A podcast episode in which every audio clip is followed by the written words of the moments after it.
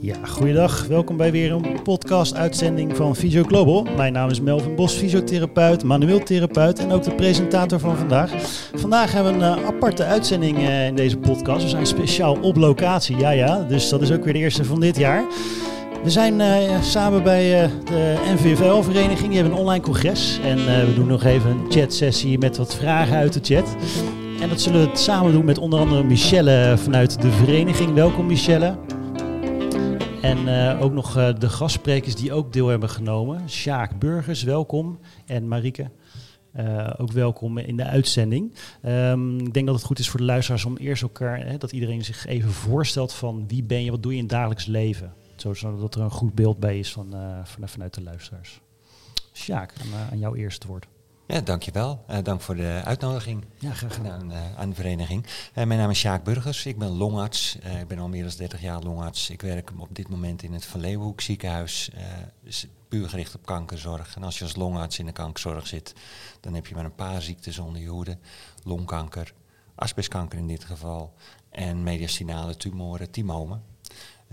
maar vandaag was het focus vooral op longkanker. Oké, okay. dan daarnaast is... Michelle, welkom. Dankjewel Melvin. Mijn naam is Michelle Verseveld en ik ben uh, oncologie, fysiotherapeut en odeemfysiotherapeut. Daarnaast ook klinisch epidemioloog. En in de dagelijkse praktijk werk ik in een centrum in uh, Dordrecht voor de, in de eerste lijn, waarbij we ons alleen maar richten op de oncologische zorg. En ik zit hier in mijn rol als uh, bestuurslid van de NVFL. En sinds vorige week is dat een ad interim voorzitterfunctie. Nou, dat is mooi om te horen. En daarnaast natuurlijk ook Marieke. Welkom in de, de podcastaflevering. Uh, ja, net zag ik uh, dat je als eerste begon hè, op het congres. maar voordat we daarmee beginnen, vertel, wat doe je? Ja, ik ben Marieke Rinkema. Ik ben ergotherapeut en ik werk niet in de oncologie, maar ik werk in de chronische pijn en chronisch onverklaarde of onvoldoende verklaarde klachten. Bij Reade, revalidatiecentrum in Amsterdam. En daarnaast heb ik een eigen praktijk voor mensen met slaap- en vermoeidheidsproblemen. En binnen de binnen Reade ben ik ook degene die uh, het slapen op de kaart heb, heeft gezet en daar heel veel aandacht aan besteedt. Omdat wij bij deze zolkpatiënten heel veel vermoeidheid en slaapproblemen zien. En ik ben hierbij gevraagd omdat dat binnen de oncologie ook vaak het geval is. Nou, leuk om te horen. Uh, Michelle was natuurlijk achter de scherm ook actief en ook af en toe voor de Kamer natuurlijk voor de, voor de vragen uit de chat. Uh, samen met de rest van het uh, bestuur. Um, en daar kwamen natuurlijk wat dingen naar voren wat mensen zagen. Misschien ook wat jullie zelf vanuit het bestuur opgeviel in ieder geval bij deze lezingen. En zou je daar iets van naar voren willen brengen? Ja, zeker. We hebben al een aantal vragen ook besproken tijdens de sessie met de lezing. Maar graag willen we nog een aantal dingen verder bespreken. Een van de vragen die al genoemd is, maar die wel heel belangrijk is, denk ik, is het gebruik van slaapmedicatie. En hoe beïnvloedt dat nou een, een soort slaap? Um, nou, hoe het precies werkt, dat, dat is uh, niet mijn achtergrond, dat weet ik niet precies. Maar ik weet wel dat uh, je slaap het, door de pammetjes, de, de en de diazepammen en dergelijke, kom je niet goed in je slaapfases, waardoor je uiteindelijk uh, niet goed tot herstel komt. Mm -hmm. Dus dan kan je zeggen van, nou ja, je kan, als je die middelen gebruikt, ben je eigenlijk, ehm, ja, je bent niet, niet meer wakker, maar ben je echt aan het slapen? Is dan de vraag. Um, en in mijn ervaring is dat sommige mensen daar al heel lang mee bezig zijn. En dan is het niet het idee dat je daar direct mee moet stoppen. Want dan, raak je ze, dan raken ze helemaal van slag en uit hun ritme. Mm -hmm. Dan, uh, wat ik dan doe, is dat ze dan eerst, uh, eerst op andere vlakken veel meer aan hun gedrag gaan werken. Zodat ze ja, optimaliseren voor het slapen. En dan kan je gaan kijken of eventueel de slaapmedicatie afgebouwd kan worden. Maar dus heel geleidelijk, begrijp ik. Ja. En meestal met een arts, meestal met een revalidatiearts of, uh, nou, of met de huisarts. Mm -hmm. Maar in mijn rol uh, als uh, paramedicus is dan vooral dat ik op het gedrag inga en dat ik ze help met nieuw gedrag aan te leren, zodat ze sterk genoeg zijn om de pammen en dergelijke af te bouwen. Um, en ik zit te denken, er wordt gevraagd over slaapmedicatie. Wat ook heel veel geslikt wordt is um, melatonine. En dat wordt ook uh, buiten het zicht van artsen geslikt, omdat je dat overal kan krijgen bij uh, drogisterijen, et cetera. Uh, vanuit de slaapgeneeskunde weet ik dat dat steeds minder voorgeschreven wordt en dat het steeds, ja, eigenlijk, eigenlijk is het gewoon niet handig om dat te gaan slikken, omdat je je eigen melatonine aanmaak daarmee gaat verstoren. Dus in uitzonderlijke gevallen kan melatonine helpen. En dan moet het eigenlijk altijd door een arts uh, uh, begeleid worden, want het moet uh, vaak op, ja, het moet gekeken worden hoe dat in je eigen aanmaaksysteem wordt. Oké, ja. nou, dat is super interessant. als, je, als je zo'n beetje om je heen kijkt, is, is, gebeurt dat al voldoende op dit moment? Dat, die begeleiding vanuit de arts? Nou ja, als ik kijk naar bij, bij, bij Reade, dan uh, zijn we daar wel mee bezig. Maar als, je, als ik hoor wat er in de eerste lijn gebeurt aan, bij huisartsen, dan wordt dat toch ook nog wel eens voorgeschreven. Zonder dat er wordt gekeken naar van wat is het tijdstip dat je ja. melatonine voor moet schrijven. En, en, en, is het dan zo dat dan misschien die huisarts wat meer hè, nascholing of bijscholing zou moeten hebben? Of, of zou dan die patiënt eerder doorgestuurd worden naar bijvoorbeeld een Reade toe? Omdat eerder Reade, Reade is geen slaapkliniek. Wij nee, doen nee, nee, het slapen is echt een, een onderdeel van de pijnbehandeling. Precies. Uh, uh, zou, zou zo ja. iemand eerder gestuurd moeten worden naar een gespecia gespecialiseerde setting? Is dan de vraag. Ja, ik denk dat, dat, je, dat je als paramedicus en als huisarts dan ook, uh, de, maar we hebben het nu over paramedici. Ja uh, goed alert moet zijn op van wat is er aan de hand en uh, hebben mensen slaapproblemen. En nou ja, als je daar zelf met de eerste handvatten niet doorheen komt, ja, dan ja. is het uh, laten verwijzen via de huisarts zeker een optie. Want ja, slaapproblemen geven en mentaal, maar en, en fysiek toch ook een hele hoop klachten. Ja, het is echt een schakelwerp op heel veel fronten. Uh, Oké. Okay. Ja, want heel ja. mooi uh, vertelde je het al, hè, dat, dat fysieke herstel is ook heel belangrijk in die slaap. En dat is natuurlijk wat mooi aangrijpt ook op uh, ons vak daarin. Ja. Um, wat wij veel horen in de praktijk is dat mensen zeggen, ik heb zo'n moeite om mijn hoofd te stoppen. Want u zei in de presentatie, um, hè, probeer dan die gedachten te stoppen, naar een punt te zetten en over te gaan naar dat, dat, dat, rust, dat meer rusten. Maar vaak zeggen mensen dus juist, het is zo moeilijk. Want als het ja. stilte komt en mijn partner slaapt, dan beginnen mijn gedachten. Ja. Heeft u daar goede tips voor die ik kan meenemen in mijn dagelijkse werk? Nou, dit is, dit is een heel erg lastige. Um, het, is eigenlijk een psycholoogvraag, maar dat maakt niet uit, want ik heb hem ook heel vaak. Um, ja, je, je kan gaan kijken naar van wat, wat voor gedachten zijn er dan? Hè? Wat, wat, zijn je, wat, zijn die gedachten die, maar, die niet helpen? Dan kan je gaan kijken van, goh, kan je die vervangen door andere gedachten? Kan je bijvoorbeeld denken aan iets, iets leukers? En ik zeg altijd, probeer die van ochtends of overdag te verzinnen. Want als je dat s'nachts gaat doen, dan ben je te laat. Want dan gaat die schakelaar alweer in de actiestand want, om het te verzinnen. Nou, als dat niet lukt, kan je ze misschien opschrijven. Zou, want opschrijven, en dat kan ook in het donker met een pennetje in een schriftje. En als je het de volgende dag niet meer leest, dat is eigenlijk helemaal niet het doel. Als je het niet kan lezen, het doel is dat je het s'nachts uit je hoofd krijgt. Um, wat je, wat je uh, even denken hoor.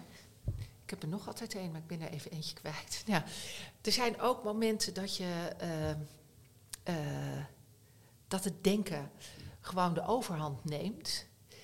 En wat ik dan heel vaak zie gebeuren is dat mensen dan zich daar ook nog heel erg over op gaan zitten vreten. Van shit, nu lig ik weer te denken, help, ja, ja, en waarom nou? En ik wil zo graag slapen, ah. Ja, precies. En wij zeggen ook wel eens, um, het is ook logisch dat je als je deze boodschap krijgt, dat je er even van wakker ligt. En dat dat ook niet, um, ja, ook niet gek is. En dat het nee. uiteindelijk alleen zo is dat je op een gegeven moment weer de, de kaders terugkrijgt om wel weer die rust te pakken. Ja. ja.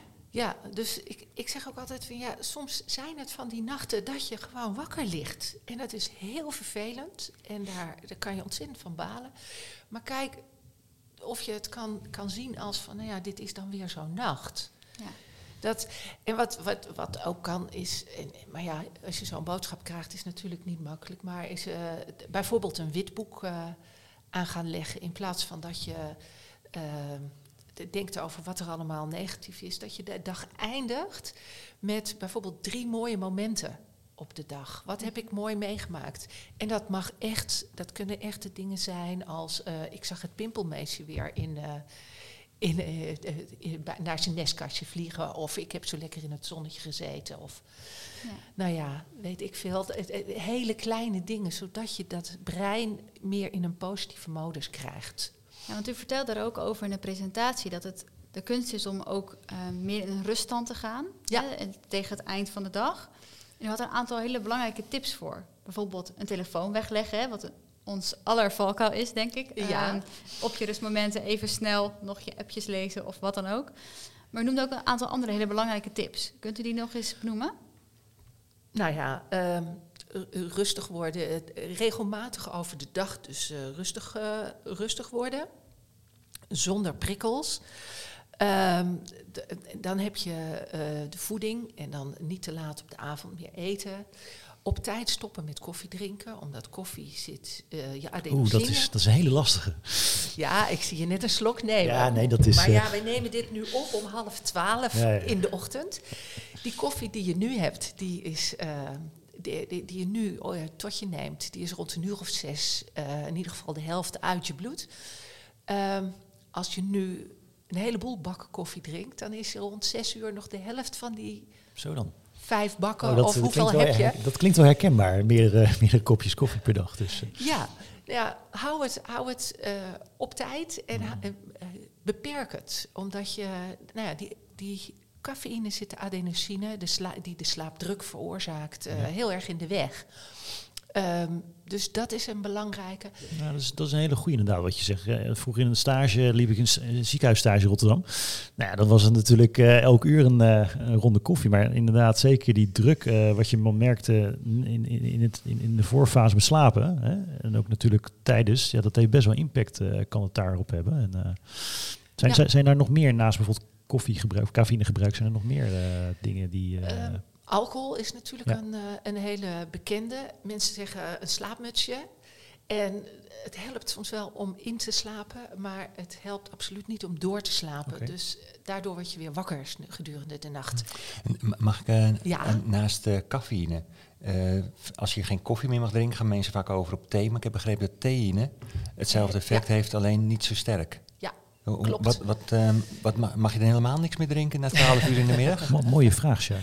Ja, nou, ik zou zeggen, ehm uh, theïne is al een stuk minder dan cafeïne, klopt. En uh, beperk ook dat. En kruidenthee is natuurlijk Koude iets. Een, een kruidenthee. Oh, kruidenthee. Ik verstond koude thee, sorry. Nee, nee, nee. nee, dat lijkt me heel vies. Oké. Kruidenthee. En uh, dan bedoel ik ook niet groene thee, want groene thee zit ook nog uh, theïne in. Ah, interessant. Maar kruidenthee, dat is, uh, dat is al een stuk beter. Maar als je al stopt met de cafeïne, dan ben je al een heel eind verder op weg. Oké. Dus, Ehm, En uh, u noemde ook nog eentje die heel erg mooi raakt aan ons vakgebied, namelijk het bewegen. Ja. En um, nou, dat promoten wij heel erg, hè? Ja, bewegen tuurlijk. en in beweging zijn. Uh, maar u had ook nog wat tips over wanneer bewegen en in welke mate.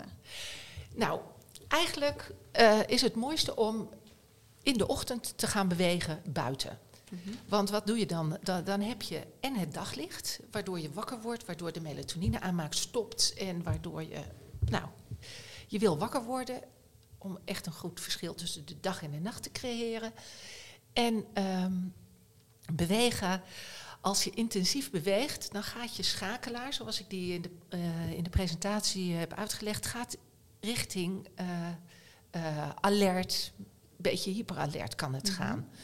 Zeker als je intensief beweegt, nou, dan wordt het moeilijk om terug te schakelen. Als je dat s'avonds doet, en daar hebben heel veel mensen wel ervaring mee, als je s'avonds laat gaat sporten, of als je s'avonds laat nog aan het vergaderen bent, of andere intensieve dingen doet, weten heel veel mensen, dan is het moeilijk, dan kan je vaak niet direct gaan slapen. Kijk. En, Makes sense. Nou ja, het NVVL doet het natuurlijk goed hè, op de ochtend uh, in dat opzicht met een congres organiseren. Jazeker. Ja. Ik denk ook wel dat we dat uit de patiëntengroep ook goed herkennen. Dat veel mensen zeggen, nou ik kom liever s'morgens voor de training. Dan heb ik ook nog veel energie. Hè, ja. Als het gaat over vermoeidheid die erbij komt kijken. Ja. Maar het is wel goed om mee te nemen dat dus als we mensen oefening voor thuis meegeven, om daarin de tip te geven op welk moment op de dag dat het beste past. Ja. En niet pas als eh, het hele huishouden op bed ligt, nog even tijd voor jezelf pakken en dan toch nog maar even doen. Want dan heb je je lijstje afgevinkt. Ehm, goed om te benoemen dus dat dat eigenlijk eerder op de dag moet plaatsvinden. Ja. En een rustige wandeling bijvoorbeeld wel nog kan na het avondeten, begrijp ja, ik. Want dan eh, in een rustige wandeling ga je toch al richting parasympathisch systeem. Dit, is, dit gaat allemaal over sympathisch, parasympathisch. Mhm. hè? Ja, mooi. En eh, rustig wandelen kom je meer richting je parasympathische systeem. En dat is wat je wil bereiken met je slaap. Dus eh, ja. Oké, nou mooi om te horen. Nou, Sjaak is natuurlijk ook aanwezig in de podcastaflevering. Bedankt jullie voor je input. Ja, super interessant, eh Marieke. En eh nou ja, Sjaak, je had net ook een lezing eh, gedaan, gedaan, zag ik natuurlijk ook. En eh, nou goed, er kwamen natuurlijk ook wat vragen eh, nog naar voren uit de chat, eh Michelle. Ja, zeker. Een aantal hele interessante vragen over de inhoud. Maar we beginnen benieuwd. met een hele praktische vraag. Want iemand vroeg ons, worden deze onderzoeken die u benoemde in uw presentatie ook uitgevoerd in Nederland? Ja, voor een heel groot deel. Ja. Eh, we hebben in Nederland een eh, hele actieve eh, longvereniging. Mhm. eh, met een hele actieve sectie oncologie. Eh, er worden daar onderzoeken eh, bedacht, uitgevoerd binnen Nederland, sorry. Eh, we doen in Nederland heel veel mee met internationale studies. Dus eh, veel van de gegevens die in de internationale pers staan over immuuntherapie, eh, daar zijn Nederlandse patiënten onderdeel van. Dus we kunnen eigenlijk wel stellen dat we als Nederland wel daarin ook een voortrekkersrol hebben, als ik het zo hoor. Ja, we doen goed mee in de top. Oké. Ja, voortrekkersrol op dit gebied. Er wordt ontzettend veel onderzoek gedaan naar immuuntherapie in oncologie. Eh, dan dan eh, ja, moet je wel heel goed zijn. We hebben een paar hele goede toppers, zowel in translationeel als in de kliniek. Mhm. eh, in long en in, in de oncologie breed. Ehm, ja, zeg, we doen goed mee. Ja. Oké, nou dat is heel mooi om te horen. Ehm, een praktische vraag ook over het inzetten van de immunotherapie. Wordt daar ook rekening gehouden met iemands achtergrond? En daarmee wordt bedoeld iemands fysieke fitheid bijvoorbeeld.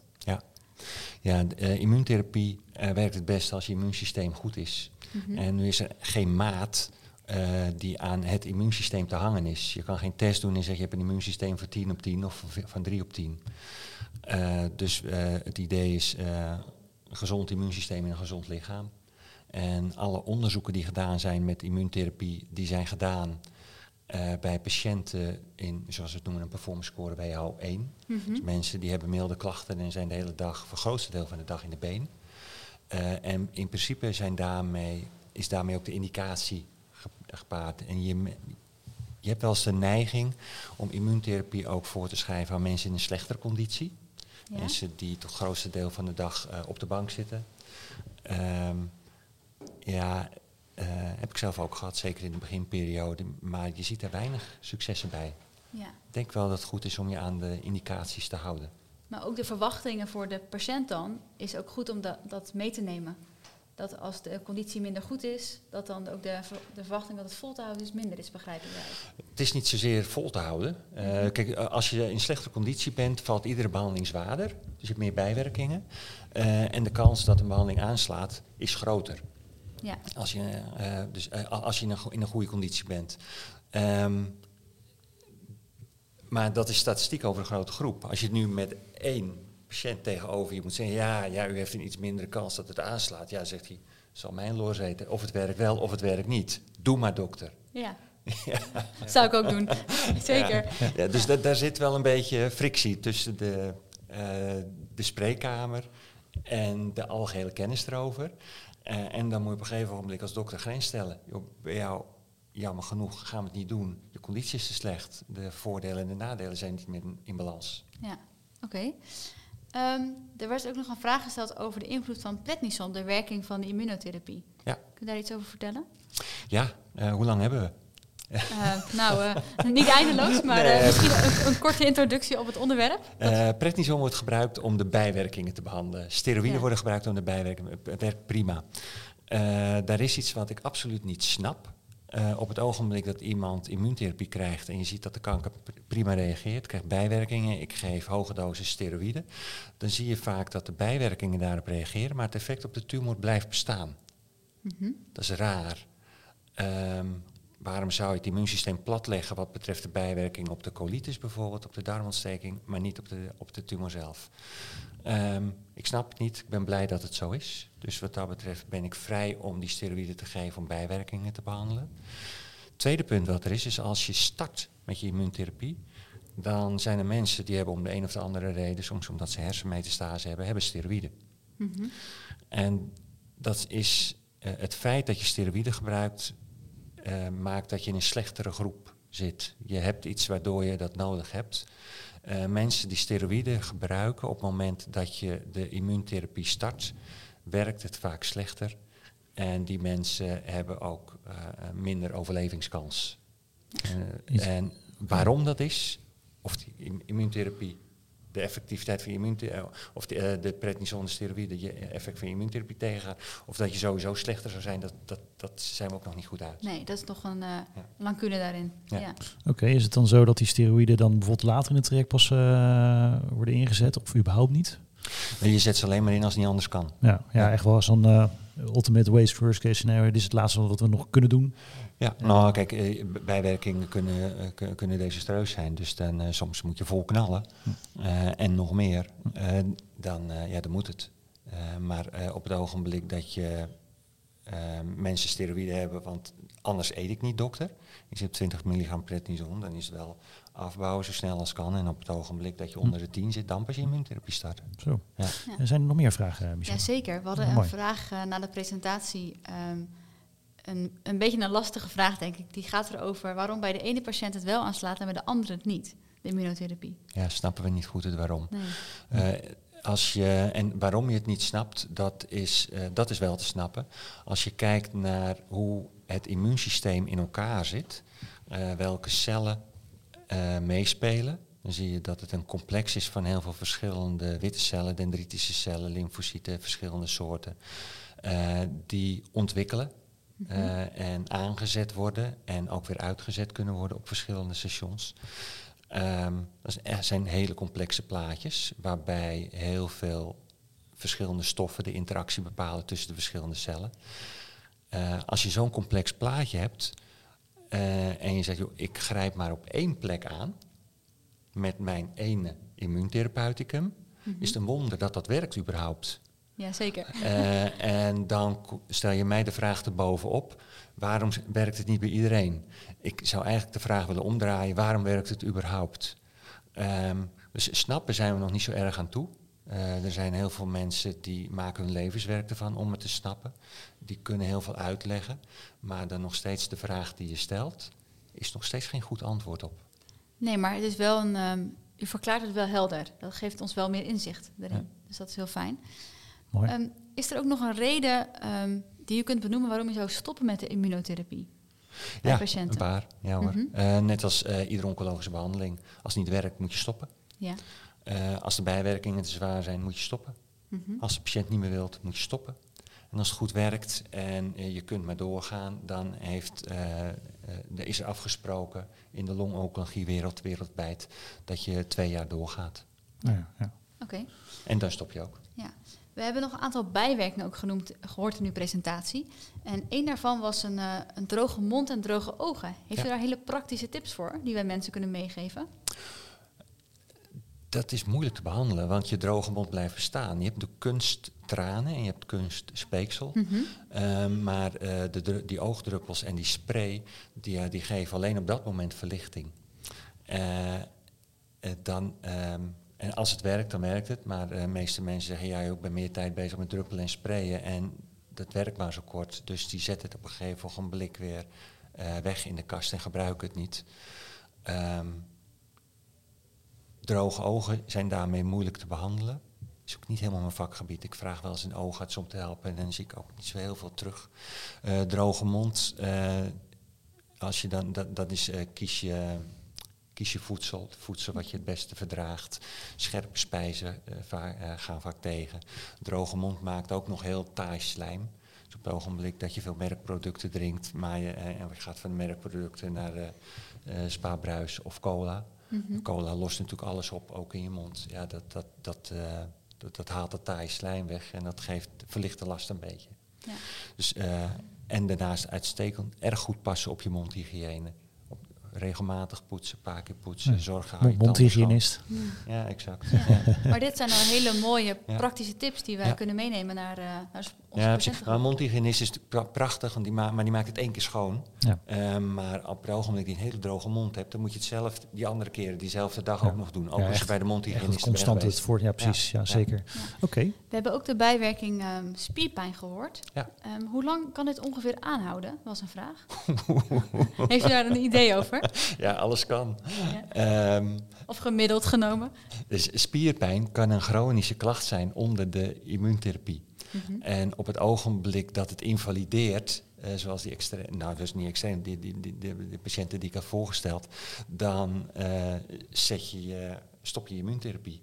En je Mhm. probeert met steroïden, met eh, pijnstillers, met fysio-ondersteuning, wat dan ook, eh, de klacht acceptabel te maken. En op het ogenblik dat acceptabel is, dan herstart je je eh, immuuntherapie.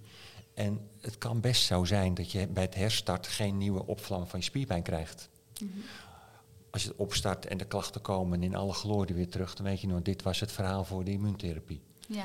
Ehm beetje 50-50 of de klachten terugkomen. Dus het is altijd wel de moeite waard. Ja. Kanker onder controle houden is ook een groot goed. Ehm, dus het kan lang. Je moet, je moet, soms moet je, moet je maanden, half jaar eh, rekening houden dat het zo door kan gaan. En, en soms is het om een on- onverklaarbare reden ook vlot verdwenen. Oké. Dan hebben we nog één laatste aanvullende vraag op dat spierpijnverhaal. Ehm, er werd gevraagd over voedingssupplementen. Ja. En dan met name het gebruik van kalium of magnesium tegen die spierpijn. Wat, Ja. wat zegt u daarover in de praktijk? Daar weet ik weinig van. Daar weet ik echt weinig van. Ehm, de, mijn interesse naar eh, supplementen en, en homeopathische en andere middelen is vooral, zit er geen interactie eh, met mijn geneesmiddelen. Mhm. Als die interactie er niet is, dan mogen mensen gebruiken van wat ze willen. Ik zeg altijd wel tegen ze, joh, als je ermee begint, het zijn vaak middelen die geen bijwerkingen hebben, behalve dan in je portemonnee. Dat is voldoende bijwerking. Als je begint moet je zeggen, joh, ik heb nu spierpijn, ik gebruik het twee weken. Als het niet werkt, moet je er ook weer mee stoppen. Ja, dat is- En dat stoppen met al die middelen is nogal een puntje. Dat doen ze niet zo. Er zit Nee. vaak veel peerdruk op. Mijn dochter zegt dat ik het moet gebruiken. Ik gebruik het om mijn dochter blij te maken. ja, precies. Ook een goede reden, maar dan weet je waar je geld aan uitgeeft. Maar die kalium en magnesium kunnen geen schade doen, als ik begrijp, aan die immunotherapie. Nee, als de nieren het kunnen verdragen, dan is het goed. Dan moet je wel een ernstige niereninsufficiëntie hebben. Oké, Ja. nou, dank u wel. Ja. Oké. Nou, mooie input, eh Sjaak. We Ja, blij komen- dat je tevreden bent. ja, ja, ik ben natuurlijk zelf maar fysio- en manueeltherapeut. Dus het is voor mij natuurlijk een terrein wat niet zo heel bekend is. Maar wel, ja, zeker wel interessant om te luisteren. Ook als eh, ja, ja, gewoon Ja. algemeen praktiserend fysiotherapeut of manueeltherapeut of andere spe- Mhm. specialisaties. Ehm, zijn er nog, eh, we zitten nu in het laatste deel van de podcast. Zijn er nog laatste vragen die je erin zou willen schieten, Michelle? Nou, eigenlijk hebben we alles wel beantwoord eh, waar we het over willen hebben. Ja, Nou, dat is Prima. mooi te horen. Eh, ik wil in ieder geval de sprekers eh, voor de tijd, eh, voor de deelname in de podcast eh, bedanken, Sjaak en Heel ook graag eh, gedaan. Mar- Marieke. Dank voor de uitnodiging. En eh, ja, ook in ieder geval bedankt eh, Michelle vanuit de NVVL om ook input te leveren tijdens deze podcastopname. Superleuk in ieder geval deze dag op de congres. En eh, volgens mij er zijn natuurlijk heel veel mensen die het bekijken. En ja, ik hoop ook dat ze het ook leuk vinden met de toevoeging zo in deze setting een podcast met het beantwoorden van vragen die veel naar voren komen. Dus dank in ieder geval daarvoor Michelle. En nou goed, volgens mij ging het tot op heden wel netjes zo. nou, dankjewel. Nou, dat waren de, de gastsprekers eh, van het online congres eh, tijdens, eh, van de NVVL. Dit was een, weer een podcastaflevering. Eh, binnenkort uiteraard voor jullie te luisteren. En als het goed is zal er ook binnenkort een nieuwe ronde online komen. Als je meer wil weten, kijk dan op de social media van Physio Global. Op Facebook, Twitter, LinkedIn en Instagram. Als je vragen hebt of ideeën over nieuwe podcastafleveringen, zet het dan op de chat. Bedankt in ieder geval voor het luisteren eh, voor deze aflevering. Ik hoop dat het eh, heel interessant was voor jullie. En op naar de volgende aflevering. Bedankt nogmaals. Was toen hier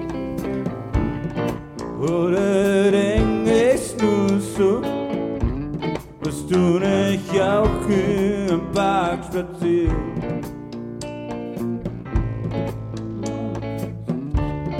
Und den Fuchs